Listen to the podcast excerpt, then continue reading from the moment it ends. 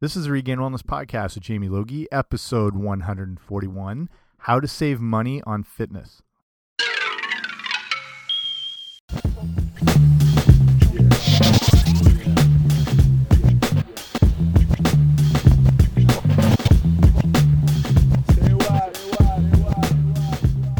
Hey guys, what's happening? Welcome back to the podcast. I'm Jamie Logie. I run regainedwellness.com, and this is the Regained Wellness podcast of the same name. So thanks for coming on out. If you're brand new here, extra special thanks. And I've got a lot of episodes on a lot of different uh, health, fitness, nutrition topics that you can think of. So make sure you subscribe so you get them automatically.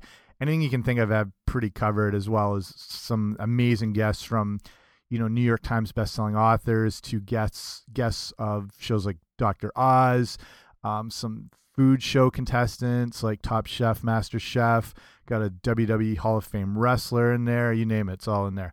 So today's episode is it's still early in the new year right now. It's we're only a couple weeks in and I've done a show already talking about you know the New Year's resolution things and health and you know changing your diet and a lot of tips you can do to get going with that and talking about fitness and it's coming out of this um, time of year where there's sort of a aftershock of all the money spent uh, through the holidays. And fitness you know it's not necessarily cheap and there are ways to save money in doing it. And you know this is a good time of year as people are looking to get into gyms and health clubs and whatnot.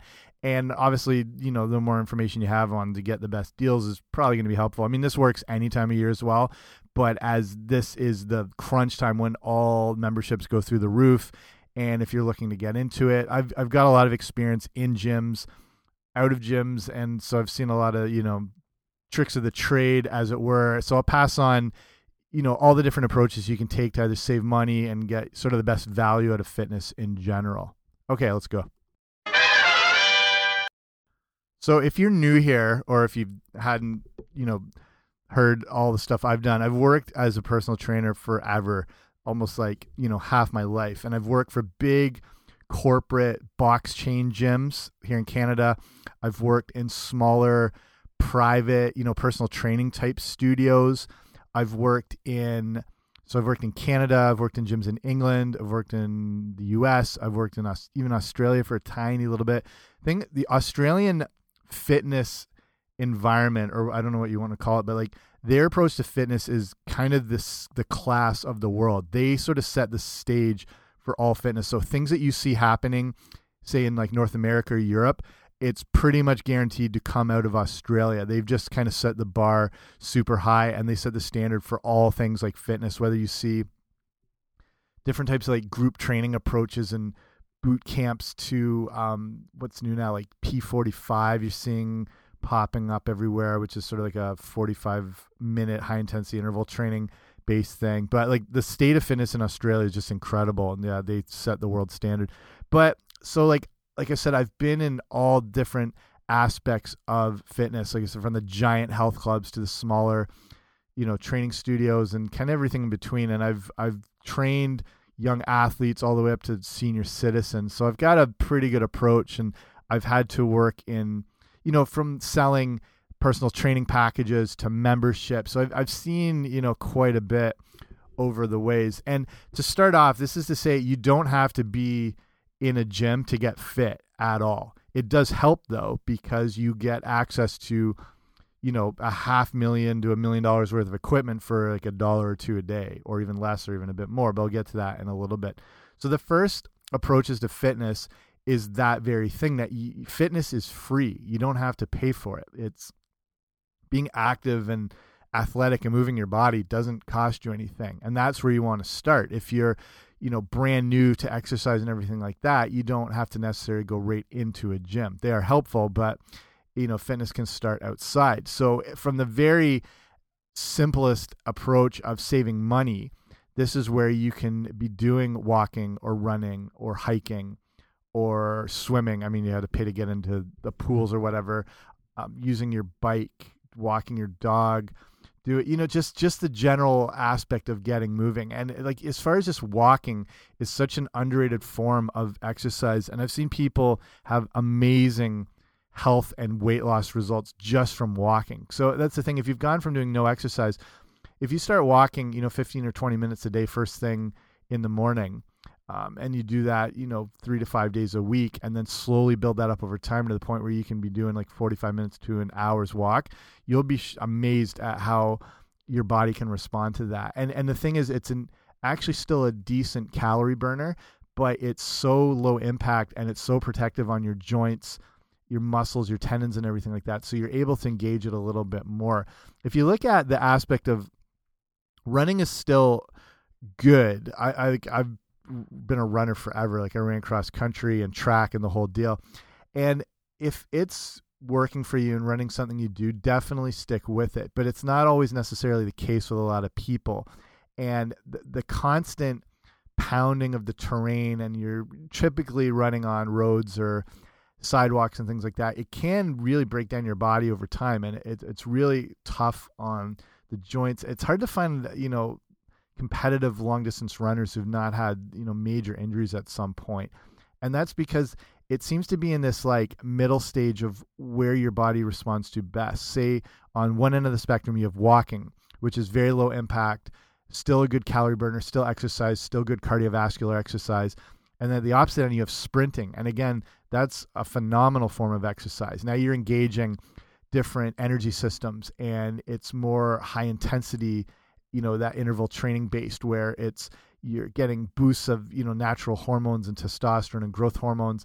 And you know it can burn calories long after you're done. It uses you know you can lower body fat. Like you just look at a sprinter and they're just so powerful and lean. And again it's high it's super high intense but it's a shorter duration. So as far as you know joint impact and whatever it's a little more minimal because it's not constant compared to say like a 45 minute or an hour run. So that's just sort of my approach to it. And that that's only if you you've tried running and it, it, you feel like it's kind of beating you down a bit. Don't feel you have to stick with it. Go to those either approaches and and start with the walking and whatnot. And there is a way to enhance just basic walking and it, it's similar to high intensity interval training which I'll, I'll get to in a second but it's called low intensity interval training. And it's an approach most people aren't really aware of but it's seen to have similar beneficial results as the HIIT training, which is based around burning more calories, um, engaging your body in what is kind of called an afterburn sort of system where your body's able to burn more calories for a longer period of time, up to 24, even 36 hours after your workout, because your body requires a greater consumption of oxygen and then it replaces that after and it works with calorie burning to do that and the whole deal. And it's seen to help enhance, you know, lean muscle, burn body fat, help, you know, cardiovascular endurance.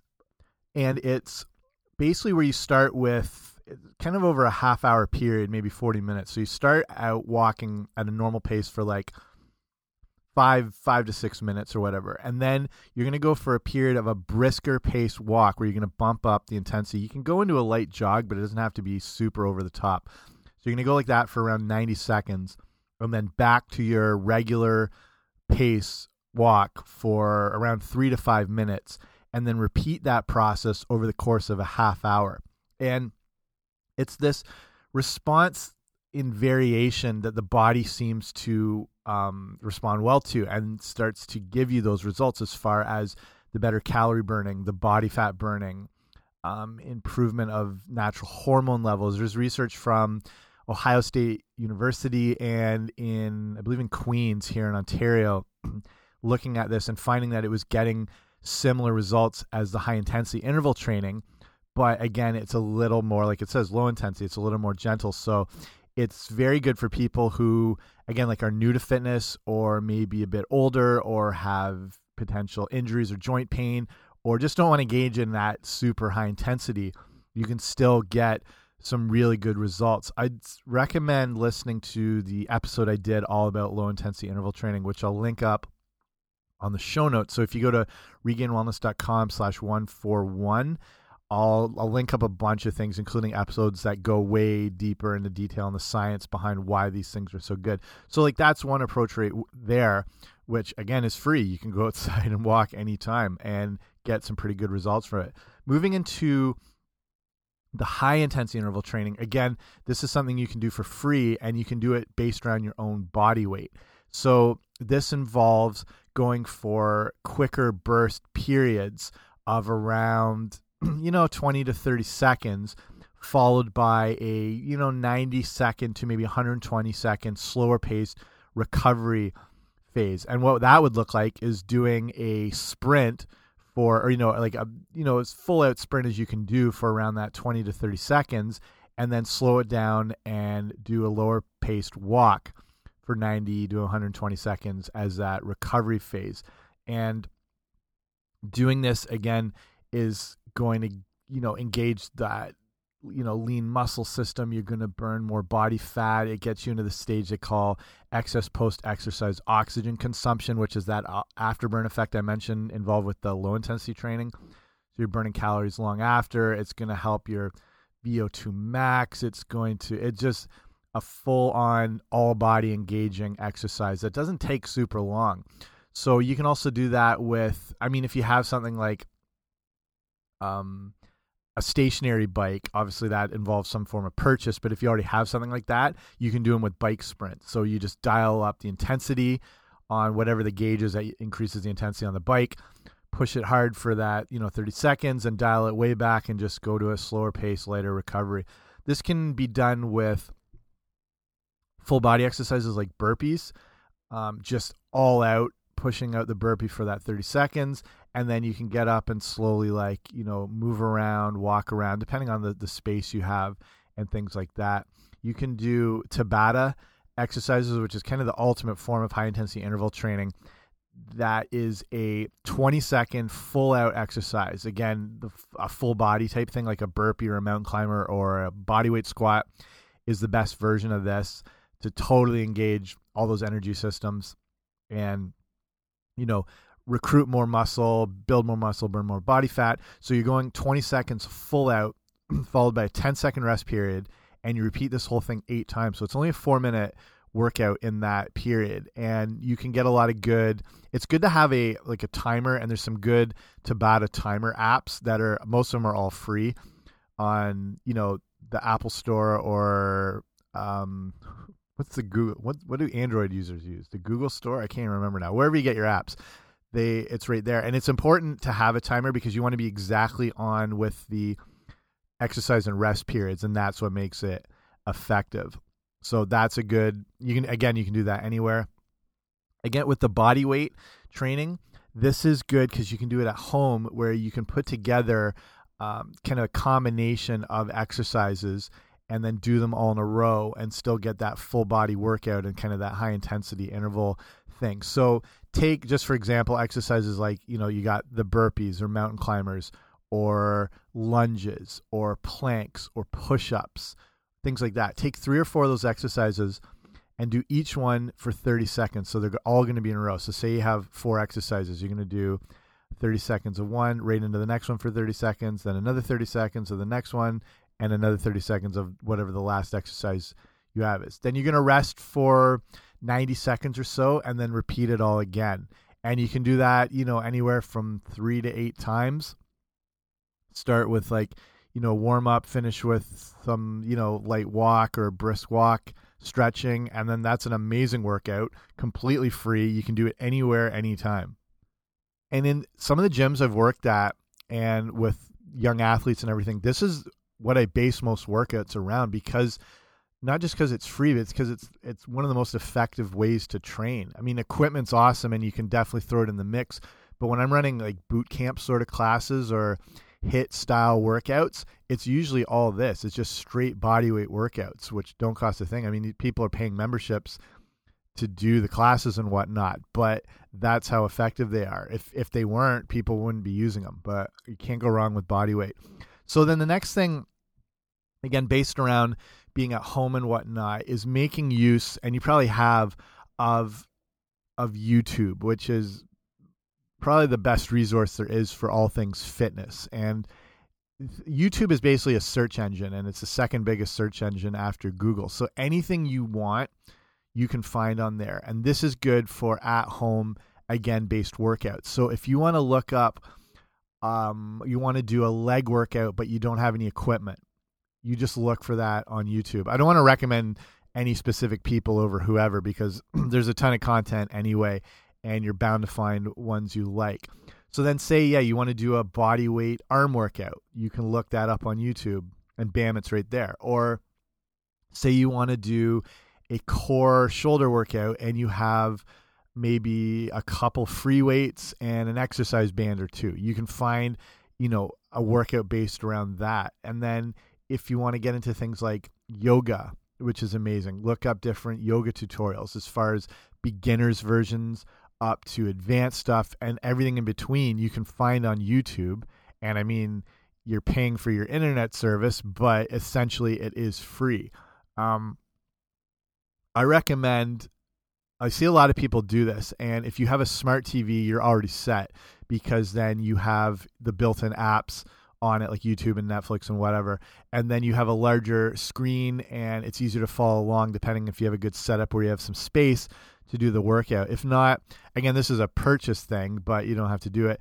You can get something like Roku or Google Chrome, which can work with your smartphone, and then it broadcasts to the TV. So you use like you open YouTube on your phone and then you can send it just so you can have like a bigger image, you know, which can be tougher to do with like say a laptop if you're having to move it around and you can't see or you're trying to look on your phone. So you don't have to do, but if you have a smart TV, that's an awesome way to do it. So definitely make use of things like YouTube and all those. Yeah, you can look up like a boot camp body work circuit based workout on YouTube. Like everything is there. There's so many channels and so many good fitness resources on there. And again, all free. Well, for right now, until the depending when you listen to this, if the net neutrality thing's gone to hell or whatever, and you're having to pay for YouTube subscriptions. But I won't get into that now.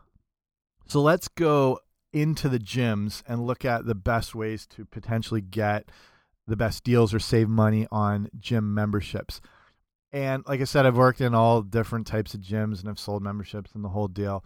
And the first thing is honestly is to just haggle, which is a lost art and is still applicable. Like, you know, our modern retail system seems pretty written in stone, and in most cases it is. I can't go into a shop and try and buy a pair of shoes and haggle them down like 20 bucks or whatever. But you'd be surprised that at the very least, you can get stuff thrown in. Um, as far as like, can you throw in a pair of socks or a shirt? You, you never know. And more often than not, that sometimes works in places like that. But the art of haggling is is still alive and well in gyms. There's so much competition now for fitness that gyms, you know, I'm, I'm thinking from the standpoint of like the bigger box um, classic gyms like in LA Fitness or GoodLife Fitness here in Canada or Fitness First in England or wherever. They kind of they used to have the monopoly on fitness because there wasn't as many just starting up gyms was so tough and whatever. And now the landscape's changed so much. Like there's small little personal training studios and people have learned like you can just set up this little place and still get good workouts and train people one at a time. And there's obviously CrossFit's massive and then the bigger forms of, um, you know, high intensity training. Like I mentioned, F45 and then there's different there's all sorts of various names of these things that are basically not crossfit per se but work around you know metabolic conditioning and you know some olympic lifts and whatever. And then there's tons of yoga studios and things ones like that those that involve fitness and then boot camp based studios. And so there's so much out there. And for these bigger based chain places they don't have really the luxury now of being the only game in town. So if you go in and haggle and say I, I, mean say their membership is like 50 bucks a month and say you can just say I can only do maybe 40 to 45 the the sales managers have a lot more leeway than you'd think based on experience from my viewpoint or standpoint when I've had to do these things you actually they have a lot of wiggle room where they can accommodate these different things but no one's going to ask because they think the prices are written in stone. I mean who says that fitness is $50 a month? I mean they can kind of make a calculation based on the amount of equipment they have and services and but a lot of the times it's just an arbitrary figure they throw out unless you know like say with a vip membership when you've got towel service and sauna use and whatever they can sort of pinpoint it from a but from a basic just come in the door and use the place, there's really no rhyme or reason on why that's the set number. So go in and you'd be surprised. Say, I've only got like 40 bucks to spend. What can you do? And more often than not, not always, they don't want to lose the potential business because they've like you would not believe the pressure fitness sales managers are under and the quotas they have to hit is ridiculous. That's why there's so much turnover in gyms as far as personal trainers and sales managers and fitness, you know, personal training sales manager, the whole deal. And a lot of I mean, things have changed a bit, but from when I remember, it was kind of like a six month average where you'd see this turnover because they, the sales targets get higher and higher and they get more out of reach. So they're more than likely willing to take your offer because you're like, okay, I see ya. I'll just go down the street and check out another place. They're just, especially like in the bigger box chains, they're more desperate to get your business. The next way to save money on memberships is to ask for an off peak membership. And a lot of good gyms will offer this because they're smart. Off peak basically means the prime times in the gym to work out are generally from like 5 to 8 maybe p.m at night 5 to 9 and in the mornings from like i don't know 7 a.m to 9 and then the rest of the times during the day and then maybe for like a little period during the lunch depending on what time of type of gym it is. But the rest of the time are kind of what they call dead hours. And smart gyms will offer non-peak memberships or off-peak memberships which means you can only use it in those off-peak hours say from 3 to 5 or from 11 to 1 or, or whatever their they deem as their kind of slower periods in there. So some gyms are more upfront and they'll say we have an off-peak membership and then some will have it available but they don't really promote it because obviously they want to get you in the full membership. So again because there's more competition for your money out there, ask about the off-peak membership and then if they don't, you know, technically have one, see if that's something they can arrange for you. And then that's kind of like haggling down the price. And again, sales managers should be able to negotiate out a price that's based around you using it on those um, off peak hours. And again, like check out your gym, and it's something they've sort of pushed to the side a little more. They should have it set up that it's if you have like a swiping card or whatever, it won't let you in during those you know peak times. And that's something I used for years too because I, as much as I've worked in gyms, I didn't like actually working out in the gym. I don't know what it was. It's I don't know if it's because it's like your place of work, and you just want to go home, or you.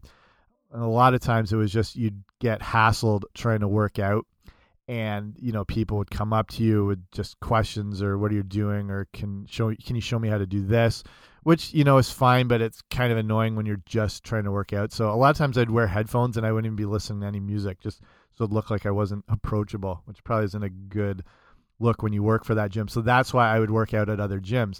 And I would always get off peak memberships because I would go in during those non peak times because I'd be at my gym training people and whatnot. So the next thing to save money on fitness, and this is an this one's obvious, but look into your city now with the growth of the cheap membership gyms. And that's going to be what it looks like now is in the states you've got um, Planet Fitness. In Canada, it's called what's the one they've just opened? Um, I can't remember the name of it, but they're they're more up now, and they're the like ten dollar a month gyms. And these places have like zero service. There's no orientation sessions. They barely have any staff. It's just the use of the facility and they're getting more popular because this is what a lot of people want. Like they don't want to they already know what they're doing. They're going in, they're just looking for a new gym. They just want to get in and out. And they have a lot of I've been in some of these and they have a ton of good equipment. They've got everything you'd possibly want in one spot. So look up in your area the I mean it depends what you have to look for as far as cheaper gyms or like I said Planet Fitness and um, the the states and even if it's like not necessarily nearby you it's worth going to because you're saving so much. You know you're paying five bucks every two weeks. So it makes it if you don't have these available then you know nothing you can do. But they're popping up more and more in every you know relatively large city. So just have a look. And and to me i mean getting and commuting to gyms sucks but it can be worth it to save that much money on fitness. If you think the average, I mean, I don't think I've seen memberships, and this is where I live in Canada. I don't think I've seen anything lower than $50 a month for a gym, for like a normal standard gym. But with these sort of lower budget box chain gyms, you can't beat $10 a month. So it's definitely worth looking into and just sort of see what's available in your area. So I want to touch on personal training and fitness classes and things where you have to pay for an additional service. And you might not be sold on the idea of, you know, having a trainer or it seems too, I don't know, elitist or status symbol wise or if it's not really necessary. But like the straight up fact is personal training works and there's no other way to to look at it. I mean, Olympic athletes have personal trainers and high end people have it. It's just it, it, it just works. It's not not just from like an education and a guidance standpoint where you have to you know you don't have to think anymore. They just everything's done for you and programmed and everything. But even just the act of the interaction and the training through the workout gets you better results from you know just pushing you through extra reps or sets. If I was to if you're say you're working out and doing like a, a dumbbell shoulder press or whatever, if I just stand and look at you, don't even say anything, don't even engage you, you can get around 17 to 20% better strength output and performance just based on this sense that you're being watched. Um, and there's this, yeah, there's this performance aspect to it where you feel you need to improve or whatever. And that's just me standing there looking at you, not not trying to creep too long. But with the personal trainer, that you're getting that enhanced through the roof and you're looking at like 30 to 40% greater output and you know strength repetitions exercise endurance the, the whole deal. So it just it works. So personal training is not cheap. It's again depending i mean this is way back. I i remember not even charging less than man 50 60 bucks an hour. Um in the bigger the city, the more expensive it gets. In some places, it would be at least like $75 an hour. I don't know if I've ever seen anything even lower than 30 to 40. So, I mean, it's not cheap, but it gets results. So, the first thing, if this is something you've been thinking about or wanting to do, and like I do recommend working out with a trainer at least you know once if you can do it and if you're starting at a new gym a good gym will will start you off with some free like orientation personal training sessions but to get a personal trainer, you know, just to experience once or twice is just to get an idea of what a real tough workout can look like and how you can be pushed. So it's good to give you a gauge on like where your fitness can be. So I think that's one of the advantages of it. So again, with it not being cheap, here's the first thing you can do is ask for half hour sessions. If you're if it's like a freelance based trainer, um, someone who you know moves around and goes to different places or they have their home gym or whatever this is something they'll be able to do just straight up no problem. I've i've worked in smaller i worked at a um, fitness sort of squash racket club and they didn't have any personal training per se but it was something i sort of came up with that and i mean it's not my original idea but it was an option for people for for a couple standpoints. You could make the sessions uh, less expensive, so people are more likely to commit to it. And you can still get an amazing workout in a half hour, and you should get an amazing workout in a half hour. And a good trainer should be able to uh, make that happen. So, say I charging sixty bucks an hour, I now put it down to thirty, or even even twenty five or whatever. So it made it more possible for people to train, and then at the same point, I could get um, I could put two people within an hour frame you know what i mean? So even if i was uh, charging I, and it, this this is one place where I'd, I'd always vary rates depending on I'd like sort of feel at the person.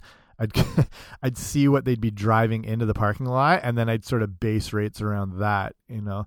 Um, so if you have say again like say it's $50 an hour sometimes i would say okay I'll do it for 30 an hour. So then I can have two people within an hour and I can make 60 bucks in that hour as opposed to one person where I get 50.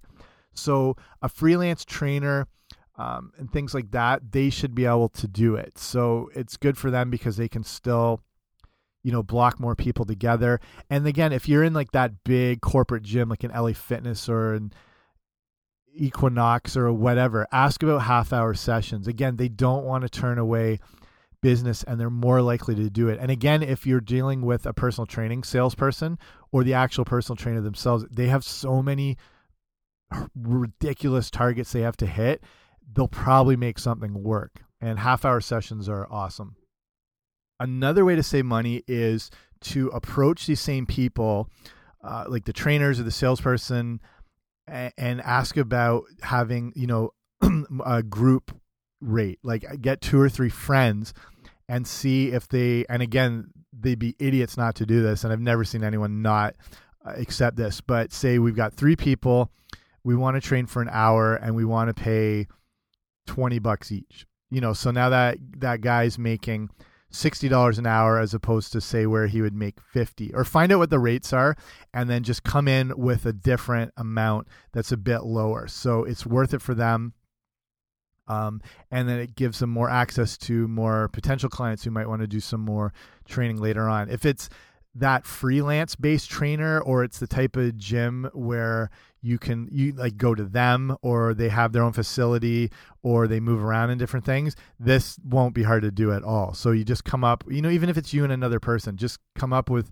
a bit less of whatever their hourly rate is and say this is what we want to bring you and they um, are more likely to take it and then in the corporate chain gyms again just say this is what we want to do and more often than not they're going to take it so then group training again is kind of the ultimate way to save money and get a good workout dynamic too. So this is now where you're wanting to find like personal trainers who do, you know, outdoor boot camps or they might offer classes at like a YMCA or a yoga studio or whatever. So get a group of you together, whether it's five or six people or even like 20, if, if you have like a network of people like that.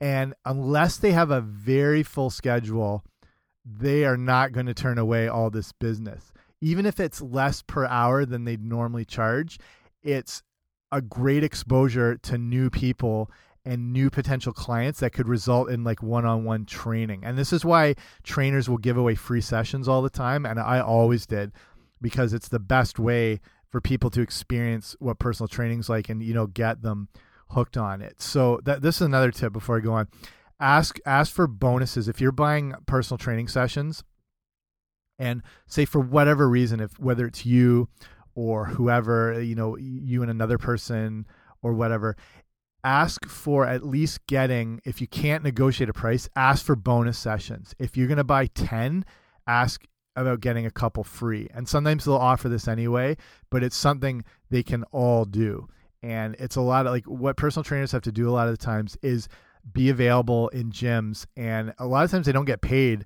an hourly rate until they're actually booked in on a book session. So if they're in the gym, they're sort of doing like reconnaissance work and you know trying to drum up business because again they got to hit all these targets so they are more likely to give away free training sessions to just give you a sample and then hopefully you'll buy so you know try out the different trainers in the gym so try those free sessions um, just say i want to see what it's like. So then you get a free workout anyway there. And then if you do decide with training, there's no gym that probably doesn't do this, but the more you buy, obviously the cheaper the sessions get. I mean, that's just kind of standard in any form of retail or business or whatever. So you'll get a lower rate when you buy more, but that's already kind of like built in. So you're not, you know, you're getting a deal, but you're still sort of playing by their rules and their um, kind of restrictions and what they're you know price demands are. So look for the free sessions. I would always do this, whether it was in you know a private little club or the bigger ones. I would just throw a couple more sessions. If it was between someone not buying and buying, um, and you know I had to come in and do a free session and like go out of my way, it's worth it if you're going to sell this big package. So the more you buy, if you're buying 20, say, you know, I want three free sessions on top of that, you know, without demanding it, just, you know, respectfully asking. And this, this is, you know, pretty much going to work all the time. So back to that group training dynamic. If you're looking, um, I don't, these are rough figures and they vary everywhere. So say someone's running a boot camp class and it's normally, um, I don't know, maybe they they charge everyone like twenty bucks for each class, and they would make you know say two hundred dollars or whatever. You come in with a group approaching them like for brand new like doing your own classes just based with this trainer um, or this instructor and say we can all do like 10 bucks each. You know now they've got the chance to make say less than they might on the other class but it's still income that they weren't expecting. So it could be you know say $150 for these you know 10 or 12 new people. They're making that extra money. They're not going to want to turn that away. Again if their schedule's open and it gives them that exposure to all those new people that might want to do like one-on-one one-on-one training later on. So instructors and teachers honestly are are not going to pass on this uh, just because of that um, you know exposure to the new people and just you know it's another hour where they're going to be making money that they wouldn't before. So you got a lot of different ways you can work that out. So that's pretty much it. Hopefully those are some tips to get you going if you're looking to get started in exercise and fitness, whether it's at home, um, you're going to the gym. You know, there's ways you can hopefully negotiate to save some money on it.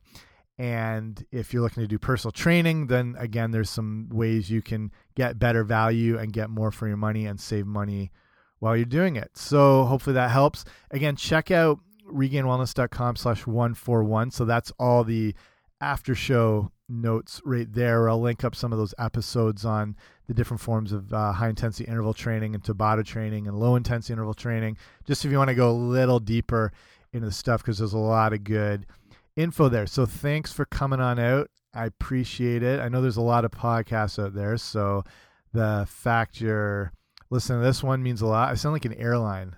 Is it Southwest always does that? There's lots of options to fly, whatever. But thank you for listening. If you do like it, give the show a rating and review on iTunes. I mean, or wherever you get your podcasts. I'm pretty much there, but iTunes being the main one. And I will see you soon.